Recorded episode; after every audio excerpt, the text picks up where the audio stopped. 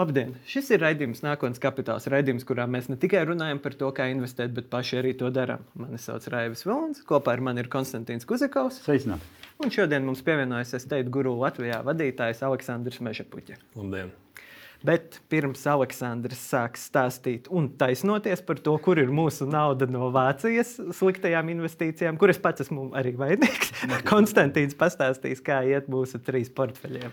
Nu, ko, iet portfeļiem ļoti labi. Kāpēc? Tāpēc, ka divi no trim portfeļiem ir vairāk nekā 12%. Tāpēc šajā gadījumā mēs varam apsveikt Raivi ar to, ka kripto atkal sāk augt, īpaši Bitcoin.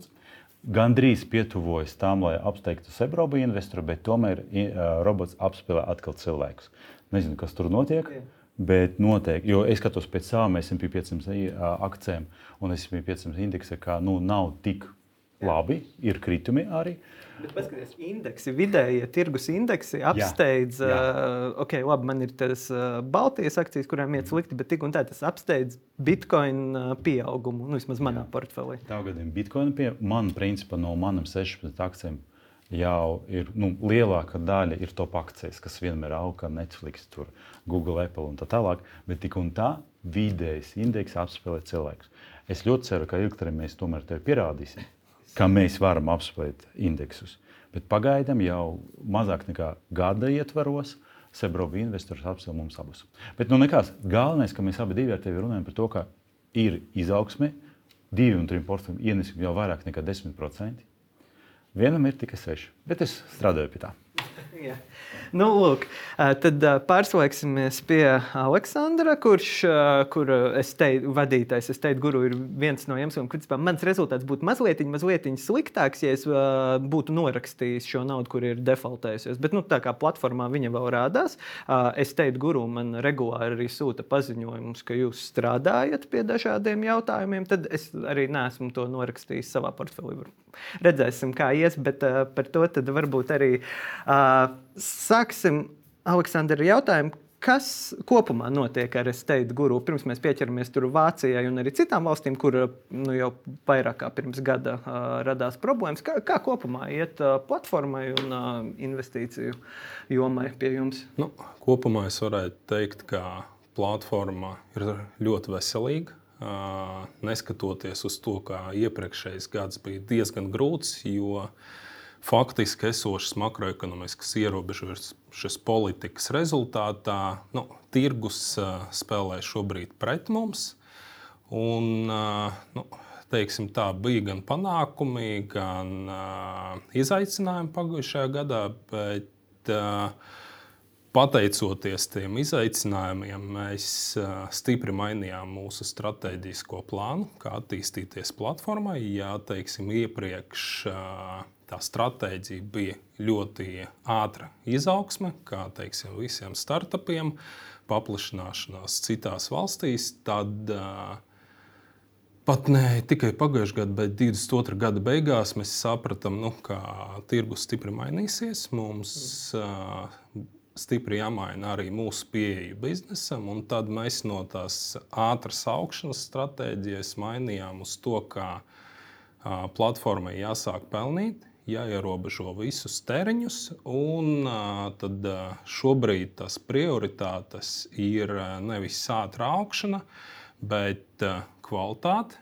Arī strādājam ļoti aktīvi pie lietotāja pieredzes uzlabošanas. Nu, kā, kā jūs jau teicat, defaulti tā ir liela sāpe, bet nu, mēs pie tās ļoti, ļoti aktīvi strādājam. Bet kopumā nu, varētu teikt, tā, ka pagājušajā gadā no tādiem aspektiem, no rezultātiem, no panākumiem mēs beidzot saņēmām licenci.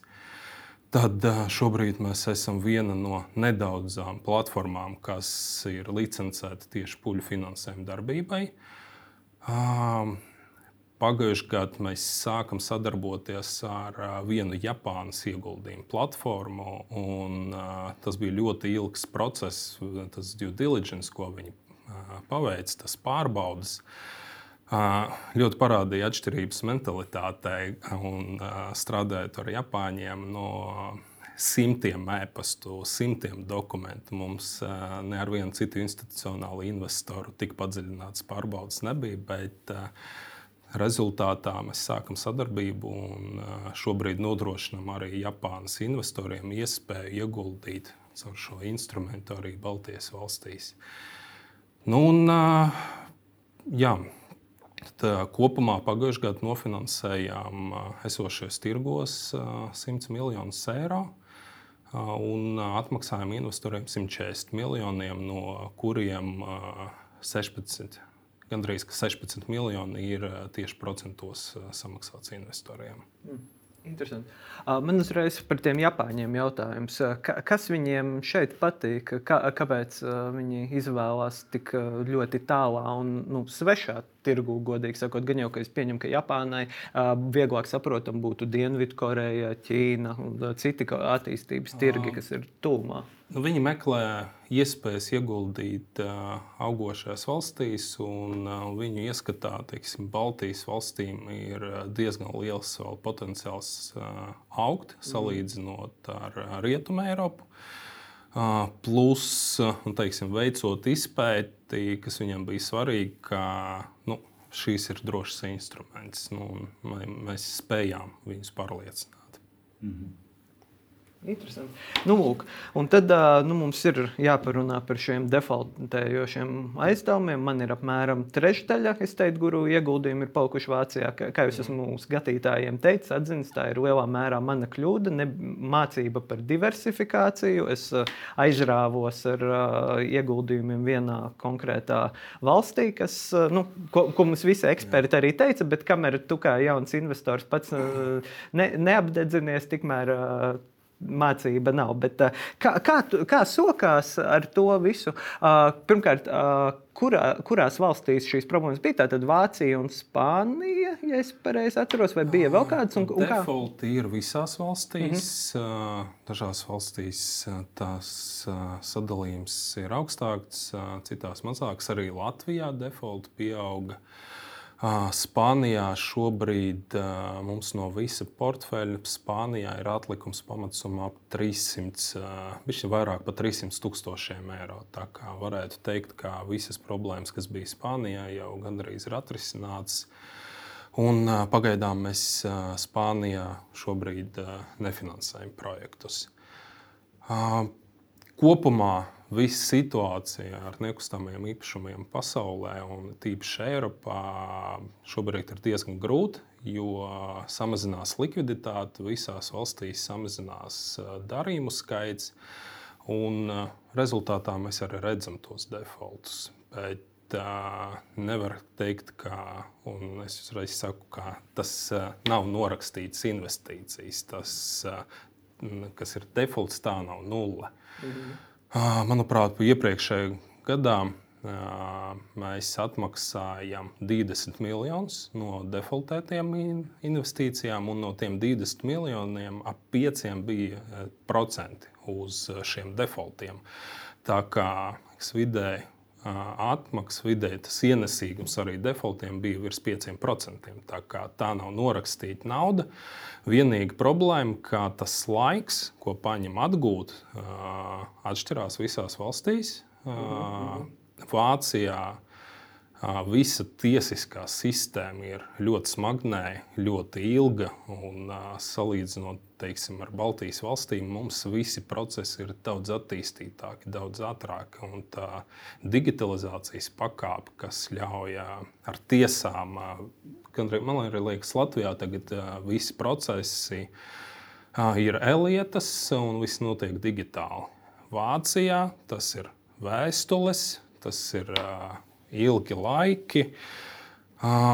Un, jā, nu, tas aizņem laiku, bet strādājam pie tā ļoti, ļoti aktīvi. Ļoti daudz līdzekļu tiek ieguldīts visos procesos. Tā kā nevar pateikt, tā kā nu, defaults sēžam, gaidām, ka kāds kādreiz atmaksās. Tā nav. Un, arī Latvijā mēs pagājušajā gadā atmaksājam pāri par diviem miljoniem no Latvijas defaultiem. Šobrīd plāns, nu, vismaz, ko es redzu, diezgan droši, ka Latvijā pirmajā kvartālā arī būs diezgan labi rezultāti. Vairāki procesi šobrīd ir teikt, nobeiguma stadijā. Es domāju, laikam, 10-12% no visiem defaultiem Latvijā mēs pirmajā kvartālā atmaksāsim. Vācijā tas summas gan ir krietni lielāks, bet kopumā plāns šogad atmaksāt, ja pagājušajā gadā tie bija 15 miljoni pamatsummas, tad šogad, ko mēs redzam, tie varētu būt no 25 līdz 40 miljoniem. Teiksim, tas būtu optimistiskais scenārijs. Mm -hmm. Bet, ja mēs paskatīsimies no dažādas valstu likumdošanas, kur vispār ir dabūt naudu atpakaļ? Vācijā, ok, stagnējuši. Spānija, es, man arī privātais portfelis, tur arī ir aptuveni, nav tik slikti kā tev, bet man vairāk projektu, 70, un man aptuveni 18% default. Mm. Un arī aps, gan Latvija, gan Vācija, gan, gan es mēģināju tur to, to naudu sadalīt pēc iespējas plašāk. Bet no likumdoša viedokļa, vai okay, Baltijas valsts tas ir vieglāk, Somija? Es teiktu, visātrāk process pēc mūsu pieredzes notiek Igaunijā, mm -hmm. Tad Latvija un apmēram vienā līmenī tā ir Lietuva un Somija. Mm okay, šajā gadījumā, okay, ja mēs paskatīsimies šajā gadījumā no investīciju plūsmas, vislielākās investīcijas, kā es saprotu, jūsu platformā ir tieši uz Vāciju. Uh, šobrīd uh, mēs pagājušajā gadā uh, ap, ap, apstādinājām tās investīcijas ah. Vācijā, tāpēc jaunu projektu Vācijā, kamēr uh, netiks viss mhm. atrisināts, mēs pagaidām nefinansējam. Un šobrīd uh, vislielākās investīcijas uh, iet uz uh, Igauniju. Mm. Tad Somija, Lietuva, Latvija apmēram vienā līmenī. Igaunijā, Igaunijā visticamāk, nu, tas saistīts ar ko, to, ka tas ir tom, tomēr mājas tirgus un tā nekustamo īpašumu tirgus aktivitāte ir daudz lielāka nekā Latvijā un pat Lietuvā. Hmm, ja mēs paskatīsimies, tā, kā izskatās jūsu vidējais investors, jo nu, vienkārši interesanti, mans portfels, tavs portfels, kā viņš salīdzina ar, to vidējo temperatūru. Cik tur ir, nezinu, cik cilvēki investē, cik daudz projektus viņi investē? Kādas summas? Kādas summas jā. Apmēram. Nu. Nu, tas spektrs ir uh, tik, plašs. tik plašs. Tik plašs. Mums uh, desmit, teiksim, 10% no visām investīcijām nodrošina institucionāli mm -hmm. investori. Tad nu, tas, tas, ir, tas ir divas bankas, uh, plus Japānas platformas. Tad nākošais segments ir eh, family offices. Eh, pārsvarā Igaunijā un Lietuvā, kur arī eh, diezgan daudz investē. Visvairāk privāta ģimene vai tas ir kaut kāds tāds? Tas ir tāds, kā teiksim, ir lielām ģimenēm vai mhm. teiksim, individiem ar, ļoti, nu, ar lieliem mhm. ienākumiem, ir teiksim, savs birojs, sava komanda, kur pārvalda mhm. investīcijas nu, un saucās tāds family office pasaulē. Ļoti aktīvi Igaunijā. Un Lietuvā arī vairāk tādu lielu investori. Latvijā, diemžēl, aktivitāte nu, kopumā, ne tikai Steigura platformā, bet vispār tā investīciju aktivitāte un kultūra ir diezgan zema. Bet nu, nevar teikt, ka vispār neinvestē. Ir, ir gan lieli investori Latvijā ar portfeļiem virs 500 tūkstošiem, un ir arī ļoti daudz mazu investoru, kur teiksim, 50, 100 eiro mēnesī iegulda un arī to sadala pa projektiem. Mhm. Skaitliski, ja mēs paskatīsimies, tas nu, skaidrs, ka to mazu investoru būtu daudz vairāk skaitliski, tāpēc, ka, nu, tas ir loģiski. Un tad, vai ir kaut kāda informācija, kāda tur ir tā vide temperatūra? Ja mums nesen bija ciemos Sebankas pārstāvja, kas mums ļoti izbrīna ar to, ka vide investīcija mēnesis ir 30 eiro. Mēs ar Rāvi investējam 50 nedēļas katrs. Un tā, un tad, tāpēc liekas, no, nu, ka okay, ar tām 30 eiro investīcijām būs ļoti grūti panākt miljonu pat ja tu sāki investēt 20 gados. Bet pla, es te guru platformu, cik tur ir tas, tas mazais investors, ka mēs. Cik... Tad minimums ir tie 50 eiro. Un tas ir, jā, tas ir minimums. Bet, jā. teiksim, vai, vai tur arī apmēram ir tas, vai ir. Tas ir nu... 50 eiro mēnesis, tā arī ir. Vai tas kaut kas? Ir, kas iegulda 50 mēnesi, ir, kas, teiksim, vienreiz iegulda lielāku summu, un tad to summu nu, pārvalda mm. un vienkārši iegulda uh, jaunajos projektos, bet kādreiz es taisīju to salīdzinājumu ar Igaunijas investoriem. Mm -hmm. Un, Igaunijas investoriem tas portfelis vidējs bija divreiz lielāks nekā teiksim, atsevišķi, ja mēs skatāmies uz Latvijas vidēju investoru. Un tā diversifikācija nu, loģiski bija lielāka. Vai latviešu platforma kļūst vairāk vai mazāk? Vai mēs ar savu raidījumu kaut ko panācām? Vai, vai reiz tikai nobaidīja ar to, ka pusi pazaudēja? Nu, diezgan grūti pateikt, jo uh, nav redzams liels pieplūdums ar investīcijiem no Latvijas, bet es domāju, tas pārsvarā saistīts ar to, ka esošā makroekonomiskajā situācijā cilvēkiem ir daudz mazāk brīvo līdzekļu, ko investēt mm -hmm. šobrīd. Nu, ja cilvēkam bija lieki 200, 300 mēnešu investīcijām, nu, visticamāk, šobrīd tas tiek maksāts papildus par uh, kredītu vai pa autolīzingu. Un, uh, jā. Jā, bet, uh, paskatoties uz Igauniju vai Lietuvu, teiksim, tās vidējas algas ir lielākas. Un, tāpēc arī lielāki ieguldījumi. Jā, bet no otras puses viņam arī nekustamais īpašums ir dārgāks, viss preces ir dārgāks, tāpēc par to arī viņam. Nu, ja mēs skatāmies uz pieejamību, tad nu, vismaz kaut kas Latvijā ir labāks.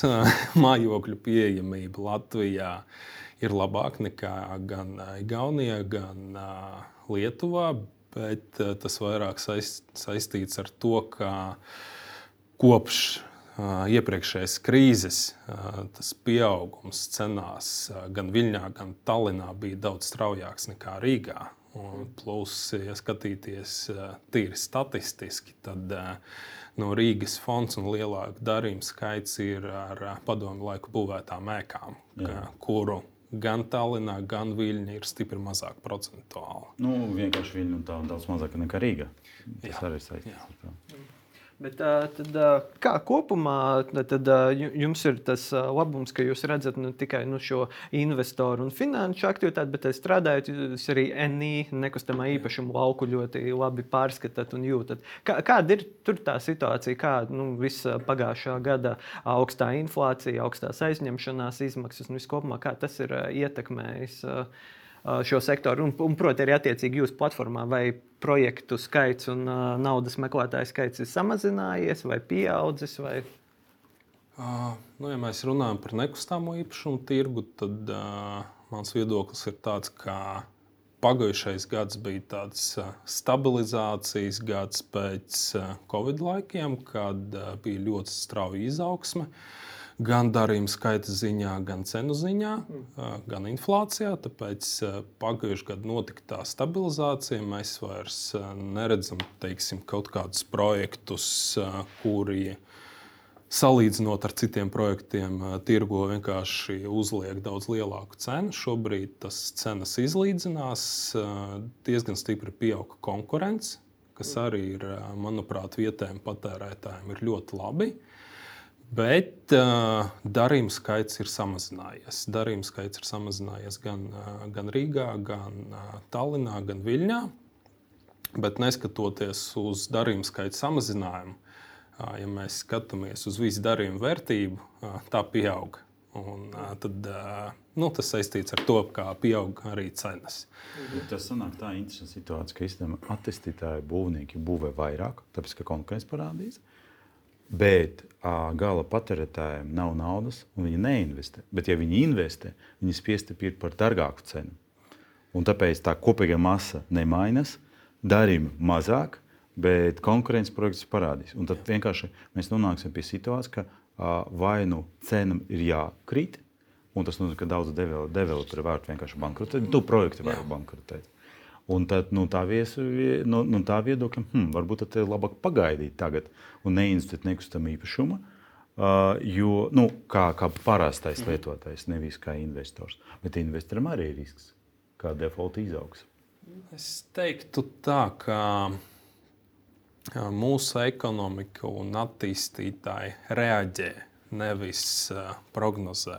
Un, ko mēs redzējām Covid laikā, uh, pieauga pieprasījums, visi sāka celt vairāk. Jā. pieauga pieprasījums pēc lielākām platībām. Gan uh, privāti mājas gribēja Mhm. pirkt lielākas un varēja atļauties gan dzīvokļus. Uh, bet uh, sākās augsta inflācija, tad uh, Vispār atpakaļ, momentāli atpakaļ. Mēs nevaram atļauties tik. Momentāli, ā, jo cilvēki jau nevarēja atļauties. un Arī mums mēs redzējām klientus, kuri ā, uzbūvēja tieši Covid laikā, sāka projektēt un būvēt lielākas mājas. Un, nu, tad vienīgais variants bija samazināt cenu. Nu, sanāca pārdot, bet ā, ne par tādu cipru, pa kādu plānoja. Ā, Bet tie ir tādi atsevišķi gadījumi. Ja mēs skatāmies kopumā uz tirgu, ā, šobrīd es teiktu, pircējiem ir tā unikāla iespēja izvēlēties. Jo iepriekšējos gados vajadzēja pirkt uz papīra, mm -hmm. vajadzēja rezervēt. Tagad tu ā, vari apskatīt. Jā, un bija reāli piemēri, kad attīstītājs nu, tikai sāka celt, uztaisīja atvērtu durvju dienu, un uh, divu dienu laikā izpārdots. Mm -hmm. un, nu, tur gandrīz, gandrīz kā cilvēks sāk kaulēties. Nu, Tas gandrīz kā pie ķīniešiem, tikai tur vēl pat ne, nebija celts. Tur Jā. jā. vispār bija 3D modeļi tikai. jā. Un, Tas ā, slikti beidzas. Tas slikti beidzās, bet uh, šobrīd mēs redzam, ka ir tā attīstīta aktivitāte. Nu, visi saprot, ka sākumā jāiztirgo, mm -hmm. un tad jāsāk projektēt. Un es domāju, mēs varbūt gada pusotra laikā nonāksim līdz tam, ka pieprasījums atkal pieaugs, bet nebūs atkal piedāvājums. Okay. Un tad mēs joprojām dzīvosim pa viļņiem, nevis pie Jā, normāla jā, pieprasījuma. jā, jā. Un, uh, Ok, šajos apstākļos mums, kā investoriem, kāda, kāda būtu mūsu pareizākā stratēģija? Jo sanāk tā, ka mums, kā investoriem, kas ā, caur ST guru investē, tad mūsu risks, kā tagad uh, projektus ir jātirgo zemāk, lētāk, tad attiecīgi var būt risks, ka viņi ne, ne, nu, bet pēc diviem gadiem vai pēc gada mēs atkal varētu ieraudzīt, ka uh, būs izaugsme un viss būs pārdots kā karsta pieredzīņa. es domāju, ka stipri lētāk nebūs. Jo Jā, mēs to pēc elektrības būvniecības runājam, izmaksas jā, jā. nesamazinās. Mm -hmm. Arī runājot ar uh, tirgus analītiķiem, uh, gan uh, Tallinā, gan Viļņā. Uh, Visi saka, ka nu, visticamāk liela samazinājuma nebūs. Būs atlaides, mē- nu, nevis atlaides, bet akcijas. un Mēs jau nu, šodien redzam, dos, jā. virtuve, ceļojums, Jā. stāvvieta vai tur nomaksājumi komunālos pa gadu uz priekšu, Mhm, bet uh, cena nesamazināsies. Un, uh, Skatoties uz Rīgu, tas pieprasījums ir diezgan stabils. Nevar teikt, ka nu, labi, tas samazinājums ir kaut kas 10, 12, varbūt 15% pēc darījuma skaita, kas saistīts ar augstu eiriboru, ar augstu inflāciju. Arī šogad interesanti, kas notiks ar darījumiem, jo valsts atbalsts procentu likmēm. Un sanāk, ka nav izdevīgi mainīt mājokli. Nav izdevīgi pirkt jaunu, jo nebūs atbalsta. Kas tas nozīmē? Nu, tas, dzirdu. Ir pieņemts likums, ka visiem kredītiem, kuriem nav fiksēta likme, mājokļu kredītiem, ā, būs ā, 30% Jā, jā, jā, kompensācija procentu maksājumiem. Bet Nu, kāpēc nav izdevīgi mainīt kredītu šajā gadījumā? jo tad nebūs kompensācijas. Tāpēc, tas būs jauns. Tas būs jauns Nu, kredīts. pieņemsim, ā, mana gadījumā mans kredīts vispār ir izsniegts 24. gada, un es tikai mainu kīlu tā visu. Tā kā kredīts joprojām ir vecs. Nē, Bet es jūs nu, nemainat ķīlu. Jūs uh, dzēšat vienu kredītu un ņemat jaunu kredītu. Juridiski tas ir jauns kredīts. Uh, tas ir jauns aizdevuma līgums. Un jaunam aizdevuma līgums, aizdevuma līgumam jau tas kompensācijas jā, nebūs. ja tur jābūt kaut kādam Jā, procentam. tāpēc teiksim, tā daļa no tirgus, kura varbūt gribēja un uh, varēja mainīt šogad, uh, es domāju, tā daļa nogaidīs līdz nākamajam gadam. Nu, jā, loģiski, arī procentu likmes samazinājums solās vasarā un tā tālāk. Tad, attiecīgi, arī tagad atkal ņemt vēl tomēr ir salīdzinoši augsts. Mm -hmm. Jā, Jo, tā ir. jo, joprojām esam tā sanāk kā pīka un gaidām, kad tas tikai sāks kritums. Bet arī nu, tā gaidīšana jāskaita ilgtermiņā. Jāņem kalkulātori, jāskaita ilgtermiņā, jo nu, tik un tā mēs redzam, ka kaut kāds cenu pieaugums arī būs šogad. Mm -hmm. un, uh, vai tā kompensācija ilgtermiņā atmaksājas, un ka varbūt tieši šogad, kad ir izvēle, kad var izvēlēties mm. to mājokli, kas atbilst visām prasībām, nevis pēc tam būt spiestam pirkt kaut ko, ko vēl jāgaida. Pēc, es domāju, tas ir diezgan svarīgi katram, katram pašam skaitīt.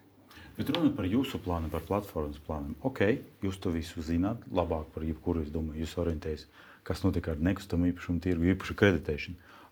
Kā, Kā jūs gatavojaties kā platforma? Ko jūs šajā gadījumā piedāvājat mums, kā investoriem? Mēs redzot visu, kas notiek, sākam ļoti stipri strādāt pie tieši kvalitātes, pie kredīta politikas. Jo saprotu, ka jūs neesat pa kreisi, pa labi visiem. Jūs pēc ieviesit kaut kādu tādu. Mūsu platforma arī nekad īpaši nedēļa pa nu. kreisi, pa labi. Salīdzinot ar citiem tirgus spēlētājiem, mums tie radītāji vienmēr bija bišķiņi tādi konservatīvi, konservatīvāki. Un pat neskatoties uz to, ir defaulti. Uh, bet šobrīd tas ir gan licences prasības, uh, daudz striktākas, padziļinātākas izpētes, un mums jau aizņēmējs saka, nu, kā kungi, jūs prasat kā, jau, tikpat daudz kā bankas. Kā, mm -hmm. Kāda jēga? Es saku, nu, vismaz pagaidām mēs spējam to daudz ātrāk izvērtēt. Bet, uh, bet jūs tikpat daudz prasāt. Uh, es domāju par tām. Nu, papīra noformējumu, vai arī uh, procents uh, likmēs un tā tālāk? Likmes pieauga, uh, bet ne tik stipri, jo arī bija diezgan daudz diskusiju ar, ar lieliem investoriem, kā jāpalielina likme. Bet, ja mēs skatāmies uz, teiksim, paņemsim kaut kādu uh, nekustamo īpašumu projektu, ir robežas. Nevar teiksim, pateikt, ka viss, nu, no šīs dienas viss maksās 14%.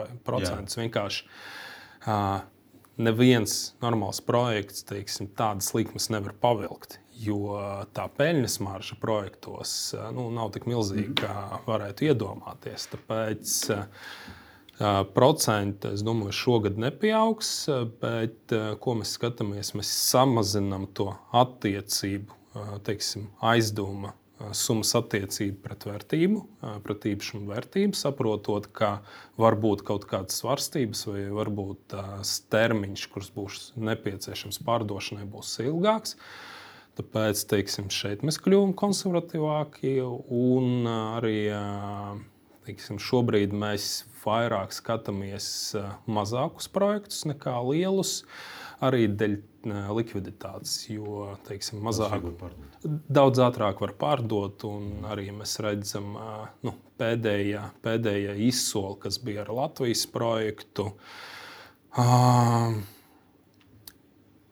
Īpašums bija izsolīts par 50% dārgāks nekā ir aizdevuma atlikums. Hmm. Un mēs bijām, mēs bijām ļoti pārsteigti, jo mēs domājam, nu, atkal būs problēmas, būs mm. jāparņem kaut kā jāpalielina vērtību. Bet tomēr pat izsolēs tā aktivitāte ir, ir diezgan liela. Mm. Hmm, interesanti. Mēs no tradicionālajiem investīcijiem pārgājām šodien uz nekustamo īpašumu uh, tēmu, kas, kas ir. Nu, ir jā, jā, nē, nē, nē. bet ļoti labi. Man, jā. man šķiet, ka tas ir ļoti forši, tāpēc, ka tas saskan ar vienu lietu, ko. Es tur patraucu, jo bija viens pētījums, kas apliecina, ka latviešiem pieder īpašums, jo tā ir galvenā investīcija, jā. ko viņi nevar uzturēt. Mēs ar tevi nevaram nekādu uzturēt 70 dažādus dzīvokļus vai pat vienu. Un tāpēc tas ir ideāls variants. Es vienmēr teicu, jā, man ir investīcijas nekustamā īpašumā. Jā, jā, jā. Uh, jo, uh, ko, ko es teicu, kas uh, saskan ar to vienu, jo es uh, dažādiem, pirms kādu laiku dažādiem ekonomistiem un ekspertiem prasīju, nu, kāpēc mēs esam tik kūtri investori, nu, ja salīdzinām kaut vai ar Igauniem un tā tālāk. Mm. Viena lieta, ko pieņemsim uh, Luminor ekonomists Pēters Strautiņš teica, un citi teica, ir, ka, uh, ja mēs paplašam investīciju tēmu plašāk, tad nav tā, ka latvieši ir šausmīgi kūtri, jo mēs tieši nekustamajā īpašumā ieguldam. Ok, jā, tur, protams, parādās jautājums, ja tas ir mans vienīgais nekustamais īpašums, vai tā ir investīcija, jo es nevaru no viņa īsti atteikties. Pusi tad vecumdienās, kā piemēram Latvijas bankas eh, ekspertā, ja Brīsša teica, ka vecumdienās teorētiski cilvēki varētu pārdot un pārvākties uz daudz mazāku vietu, bet nu, tur ir sentimentālā vērtība, vēl gribas bērniem atstāt un tā tālāk. Uh, bet uh, tad man jautājums ir uh, jums, Aleksandra, uh, vai Uh, nu, skatoties no nekustamā īpašuma skatu punkta, vai uh, latvieši to uztver kā tādu ieguldījumu formu, vai mēs, piemēram, biežāk izvēlamies nu, nevis pirkt tās akcijas un dzīvot mazākā dzīvoklītī, bet varbūt uh, mēģināt nopirkt nu, kaut kādu lielāku māju vai kaut kādu īpašumu. Skatoties tīri statistiski, Latvijā cilvēku īpatsvars, kuriem pieder īpašums, ir stipri lielāks nekā, ja mēs salīdzinām ar Eiropu. Mhm. Tā kā varētu teikt, ka jā. Arī runājot teiksim, ar mūsu investoriem, daudziem ir arī kaut kādi īres dzīvokļi, un arī daudz cilvēku, kuri sāk domāt par investīcijām. Viena no pirmām idejām ir paņemt, nopirkt vēl vienu jā. dzīvokli jā, un, un, un izīrēt. Bet uh, tas nav tāds ļoti viennozīmīgs bizness. Ja mēs uh, salīdzinām to ienesīgumu gada griezumā, pērkot jaunu dzīvokli, ja ienesīgums ir kaut kāds 5 līdz nu, labākajā gadījumā 7% gadā. Mm -hmm. Papildus jā, ir eh, vērtības pieaugums, bet tas vērtības pieaugums nu, to nevar prognozēt. Var arī būt kritums. Nu, bet jā, skatāmies arī, kā investīcijas nekustamā īpašumā ir diezgan zema likviditāte un uz tiem jāskatās ilgtermiņā. Tāpēc, ja kaut kādā brīdī ir kritums, vienkārši jāparedz savu naudas plūsmu tā, ka ja šai krituma laikā ir rezerves, lai teiksim, jūs nesat spiesti pārdot to īpašumu. Jo tad būs nepieciešams fiksēt to kritumu, bet, ja mēs skatāmies desmit gadu griezumā un pēc cikliem, jebkurā gadījumā tā cena atgriezīsies. Nu, vismaz skatoties vēsturiski. Jā, bet par šo laiku tev to visu dzīvokli vajag uzturēt. Jo man bija tāda pieredze pirms 8 gada. Es nopirku par 60 tūkstošiem un pārdevu par 20. Mm -hmm. Un, un tam es teicu, es vairs negribu. Jo Jā. tas, nav, tas liekas, ka ok, man būs īres dzīvoklis, bet tev vajag viņu dažreiz tīrīt, tev vajag meklēt to sevi, tev vajag no viņa pēc tam dabūt naudu, pēc tam nezinu par nodokļiem, par to visu. Un pēc tam tev remontu vēl jātaisa. Un tāpēc es saprotu, ka kaut kāds šādi biznesa, es neko nedabūju. Tas bizness strādā kad uh, ir apjomi. Jā. Jā. Jo, kad ir apjomi, tas jau nav viens dzīvoklis, tas ir portfelis, un tad arī riski ir saistīti jau ar portfeli. Ja ir kaut kāda problēma ar vienu dzīvokli no desmit, tad de, deviņi dzīvokļi tik un tā maksā īri, ar ko ir iespējams kaut kādus riskus nosegt ja ir eh, īrnieks, kas nemaksā un ir vienīgais dzīvoklis, kas jā. vēl jau vairāk ir paņemts kredītā, 300%. jā, tad tā ir liela problēma. Bet uh, man arī ir tādi īpašumi, no uh, teiksim, viens īpašums arī dzīvoklis bija nopirkts. Uh, Bet tīri sentimentāli, jo teiksim, es saprotu, ka ienesīgums būs zems, cena varbūt kaut kad pieaugs, bet teiksim, šis ir bērnam dzīvoklis. Pienos, ja viņš paliks un dzīvos. Paliks, visticamāk, tagad viņam jāpaliek. jā, visticamāk, kaut kur aizbrauks mācīties, tad atgriezīsies. Nav zināms, vai vispār šajā dzīvoklī gribēs dzīvot vai kādā citā rajonā, bet, teiksim, tīri sentimentāli mm. ir vēlme iedot kaut kādu to sākuma kapitālu. Kaut vai lai pārdot šo dzīvokli, bet tālāk investē. Mhm. Jo, ja mēs skatāmies uz to salikto procentu kalkulātoru, kur visi saka, ka jāiegulda sākot, nu, tik līdz ir pirmā nauda, tad nu, pa 50 eiro mēnesī vai pa 100, un tad pie 60 gadiem būs vairāk par miljonu. Nu, tāpēc bija tās lēmums kāpēc sākt ieguldīt 18 gadu vecumā, ja es varu teiksim, tagad nopirkt un bērnu vietā sākt ieguldīt, kad bērnam ir 5 gadi. Jā, jā, jā. Nu, un, es to izdarīju savādāk. Es vienkārši atvēru uzkrājumu apdrošināšanu, un tad, kad būs 18 gadi meitē, tad tā teica, ka viņam būs kapitāls. Jā, jā. Ne, un nav nekādas sentimentu, un nav nekādas tur. Mums jau arī, piemēram, Elīna Kolāta nāca, stāstīja, ka viņa savam jā. bērnam arī akcijas pērk. Nu. Atkal, tas arī būtu. Mēs šodien ar tevi runājam par to. Ja tu investē ETF, tu vismaz vidē vari uh, uzvarēt. Bet pieņemsim A, kur garantija, ka pēc, tieši pēc desmit gadiem šīs akcijas vēl strādā? Vēl, vēl būs Ne, nu, labs ienesīs. Tiefiem arī nav garantijas. Īstenībā Arī nekām. Ja mēs runājam, uh, sākat raidījumu ar Robu Investu, un nu, mēs, teiksim, paskatoties savu portfeli, pusgada griezumā man rezultāti labāki. Bet divu gadu griezumā apmēram, jo pagājušajā gadā bija tik stipri kritumi. Ka, Jā, Nē, jā, tā tieši jā. tā, nu, Kā, jautājums, kad tu nopirksi? Jā, tas uh, ļoti labs atgādinājums visiem skatītājiem. Visām investīcijām ir riski. Un, uh, un, uh, jā, Vēsturiskais ienesīgums negarantē. jā, un, uh, nākotnē. un uh, Aleksandrs, nekustamo īpašumu speciālists, saka, ka, nu, ja jūs gribat uh, nekustamo īpašumu fizisko turēt, tad jums vajag vismaz desmit. Tātad, nu, vismaz miljonu. Jums vajag Jā. vismaz to miljonu. Tātad jāsāk no 20 gadiem, jākarāj, lai būtu tas miljons, un tad 60 gadu vecumā varēsiet nopirkt tos desmit dzīvokļus, varbūt. lai viņus varētu izīrēt. Bet tāpēc ir forši, Nu, ka ir ir guru. Jā, jā, man interpretācija. Bet eh, tāpēc ir diezgan daudz instrumentu, kuri Jā. Jā. ļauj ieguldīt nekustamajos, kad tev fiziski eh, nav jābūt Tieši īpašniekam. Ir gan puļu finansējumi, ir gan reiti, ir gan Latvijā fondi. Mm, jā, ne, tie- tieši tas, tas, to es arī gribēju teikt. un Tāpēc ir forši, ka ir tāds platforma, kā es teicu, guru, jo mēs varam piedalīties šajā tirgu arī netiešā veidā ar saviem 50 eiro. Mums nevajag 100 tūkstošus jau, lai sāktu. Un Bet, nevajag komunicēt ar īrniekiem. Jā, starp citu, jā, arī tā ir cilvēcīgais aspekts tajā visā. Ir. Uh, bet, jā, tad uh, jūs uh, jau, Aleksandra, pārgājāt nedaudz pie sava portfeļa un tā tālāk. Tad, uh, kas tad ir uh, jūsu portfelī? Nu, mēs jau noskaidrojam dzīvoklis bērnam. Kādi vēl ir aktīvi? Ir arī klasiskie akcijas. Nu, es teiksim, kā nekustamo īpašumu, var teikt, speciālists. Man ir stipra nobīde uz nekustamajiem īpašumiem. jā, ieguldīt tajā. Jā, tāpēc es vairāk ieguldu to, ko es saprotu. Ja runāt par rezultātiem, nu, kamēr rezultāts nav fiksēts, tas rezultāts ir uz papīra. Bet tā skatoties, teiksim, jaunie projekti, jā, diezgan labi pieaug. Padomi laika dzīvokli. Nu, ir tāda cerība, ka vismaz nenokritās tā vērtība. Par akciju par akcijām pārsvarā tas ir ASV akcijas. Un, kā jau teicu, teiksim, tā pusgada pieaugums ir ļoti liels, tur pār 10%. Mm.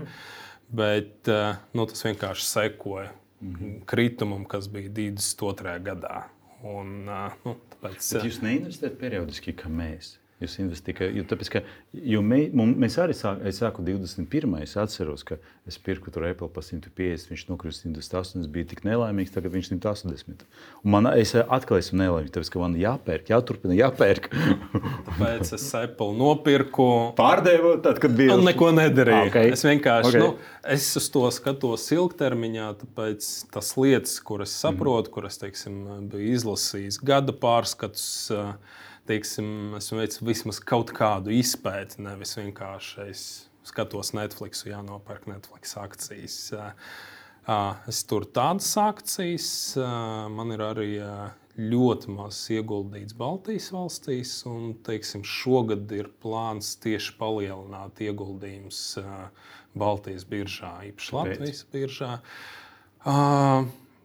Arī saistīts ar nekustamajiem, jo, teiksim, redzot, ka dažām akcijām šobrīd Eiribora iespējā tā cena ir ļoti zema. Teiksim, man liekas, ka samazinoties refinansēšanas likmē, teiksim, tiem fondiem aizņemties būs lētāk nekā šobrīd, un akciju vērtība pieaugs. Un, teiksim, nu, tie ir komerci īpašumi, kuriem tas Excelis ir stipri atkarīgs, stipri atkarīgs no ā, finansēšanas ā, izdevumiem. Mm. Tāpēc es domāju, ka teiksim, tam akcijām, kuriem var pēc atskaitām izskaidrot, kā ir izaugsmes potenciāls, es domāju, ka ir, ir vērts izvērtēt. Uh, nu, jā, un skatoties uz to vienīgo Igaunijas IPO, kur esmu ieguldījis, uh, nu, 100% pieaugums. Bet, nu, tas ir tāds Paveicās. v- vienkārši paveicās. Viņi Trāpīt, bija jā. Jā, Jā, jā, jā. Bet, uh, nē, bet uh, tas ir uh, interesanti. Ka...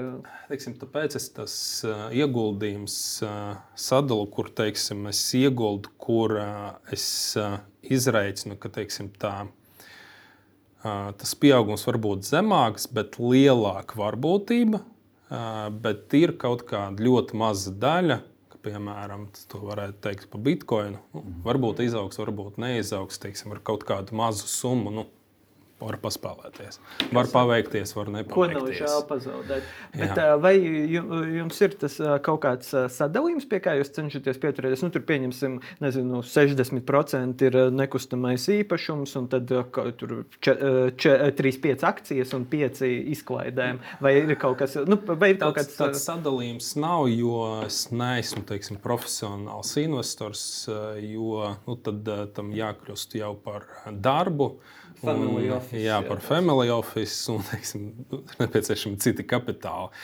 Es vairāk skatos uz to, ja mm, esmu paguvis kaut ko izpētīt, Mhm. kur es redzu potenciālu, kur es teiksim, redzu, ka varētu būt labs darījums, tad es, es to pērku. Vai tas būtu nekustamais īpašums vai kaut kādas akcijas. ā, teiksim Tā, cenšos to izvēlu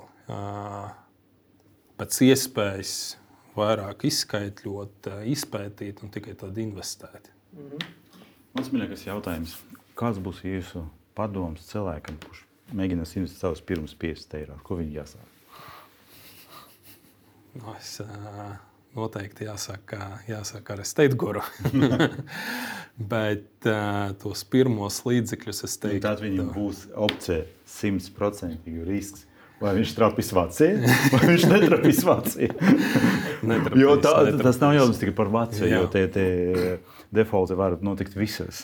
Nu, Default arī notika arī Latvijā. un Jā. Mēs skatāmies, Bet tomēr ā, 50 jā, eiro. jā, 50 eiro es ā, paskatītos kaut kādus rīkus, kurus ir viegli pārvaldīt, kuriem nav jāpievērš tik daudz uzmanības, kamēr, vai, kamēr vēl nav iespējas kaut ko izskaidrot, prognozēt. ā, Tie varētu būt ITF ā, vai ā, teiksim, tas pats RoboInvests, ā, diezgan, diezgan labs instruments. Vai arī ā, trešais pensiju līmenis, vai uzkrājušas ā, apdrošināšanas ā, tikai dēļ ā, nodokļu atmaksas. Jā, jā, jo ar tādām mazām summām tas ir ērti. Ja ir lielākas summas, tad jau pārsniedz uh, tas, ko tā nodokļu maksa, uh, atmaksa atgriež. Bet, bet tas strādā tikai, ja to nodokļu atmaksu mēs atkal investējam. Mm, jā, sal- saliktie procenti un reinvestēšana, protams, svarīgi. Ok, labi. Uh, ar šo es arī teikšu paldies Aleksandram. Uh, Paldies par ieskatu nekustamā īpašuma jomā, jo mēs principā droši vien pēdējo reizi ieskatījāmies tad, kad Aleksandrs pirms diviem gadiem, uh, vēl zūmā, kad bija pandēmijas laiks, mums pieslēdzās, un mēs par to neesam daudz runājuši. Bet tā ir tiešām liela joma. Tā ir joma, kas arī nu, latviešiem ir acīm redzami mīļa un interesanta. Mēs dzīvojamās platības saprotam un novērtējam. Un tad, jā, paldies. Cerams, ka skatītāji arī kaut ko no šī visa ieguva. un Tā. Uh, Paldies Konstantīnam. Jā, Jā, Aleksandra. paldies, paldies, ka uzaicinājāt. Un, nu, nu, ceru, tiksimies, uh, Biežāk. kad, kad, kad uh, sāks samazināties Eiribors. Samazināties arī default, vismaz manā portfelī. Es domāju, ka tas būs paralēli. Jā, tas, būs, tas būs kaut kur paralēli. Tā, Jā. jā. Paldies arī skatītājiem. un Atgādināšu, ka, jums, ja jums ir kādi jautājumi, droši sūtiet uz nākotnes kapitāla set Delphi LV. Un savukārt mūsu raidījumus ā, meklējiet ā, YouTube, audio versijā, Spotify un Apple lietotnēs. Tāpat mēs publicējam klipus, kas ir ne tikai no raidījuma, bet arī speciāli gatavoti par ā, pamatiem ieguldīšanā TikTokā un, protams, arī Instagram, Facebook un visur, kur citur. Mē- Mēs esam visur. Paldies! Visu labu! Visu labu.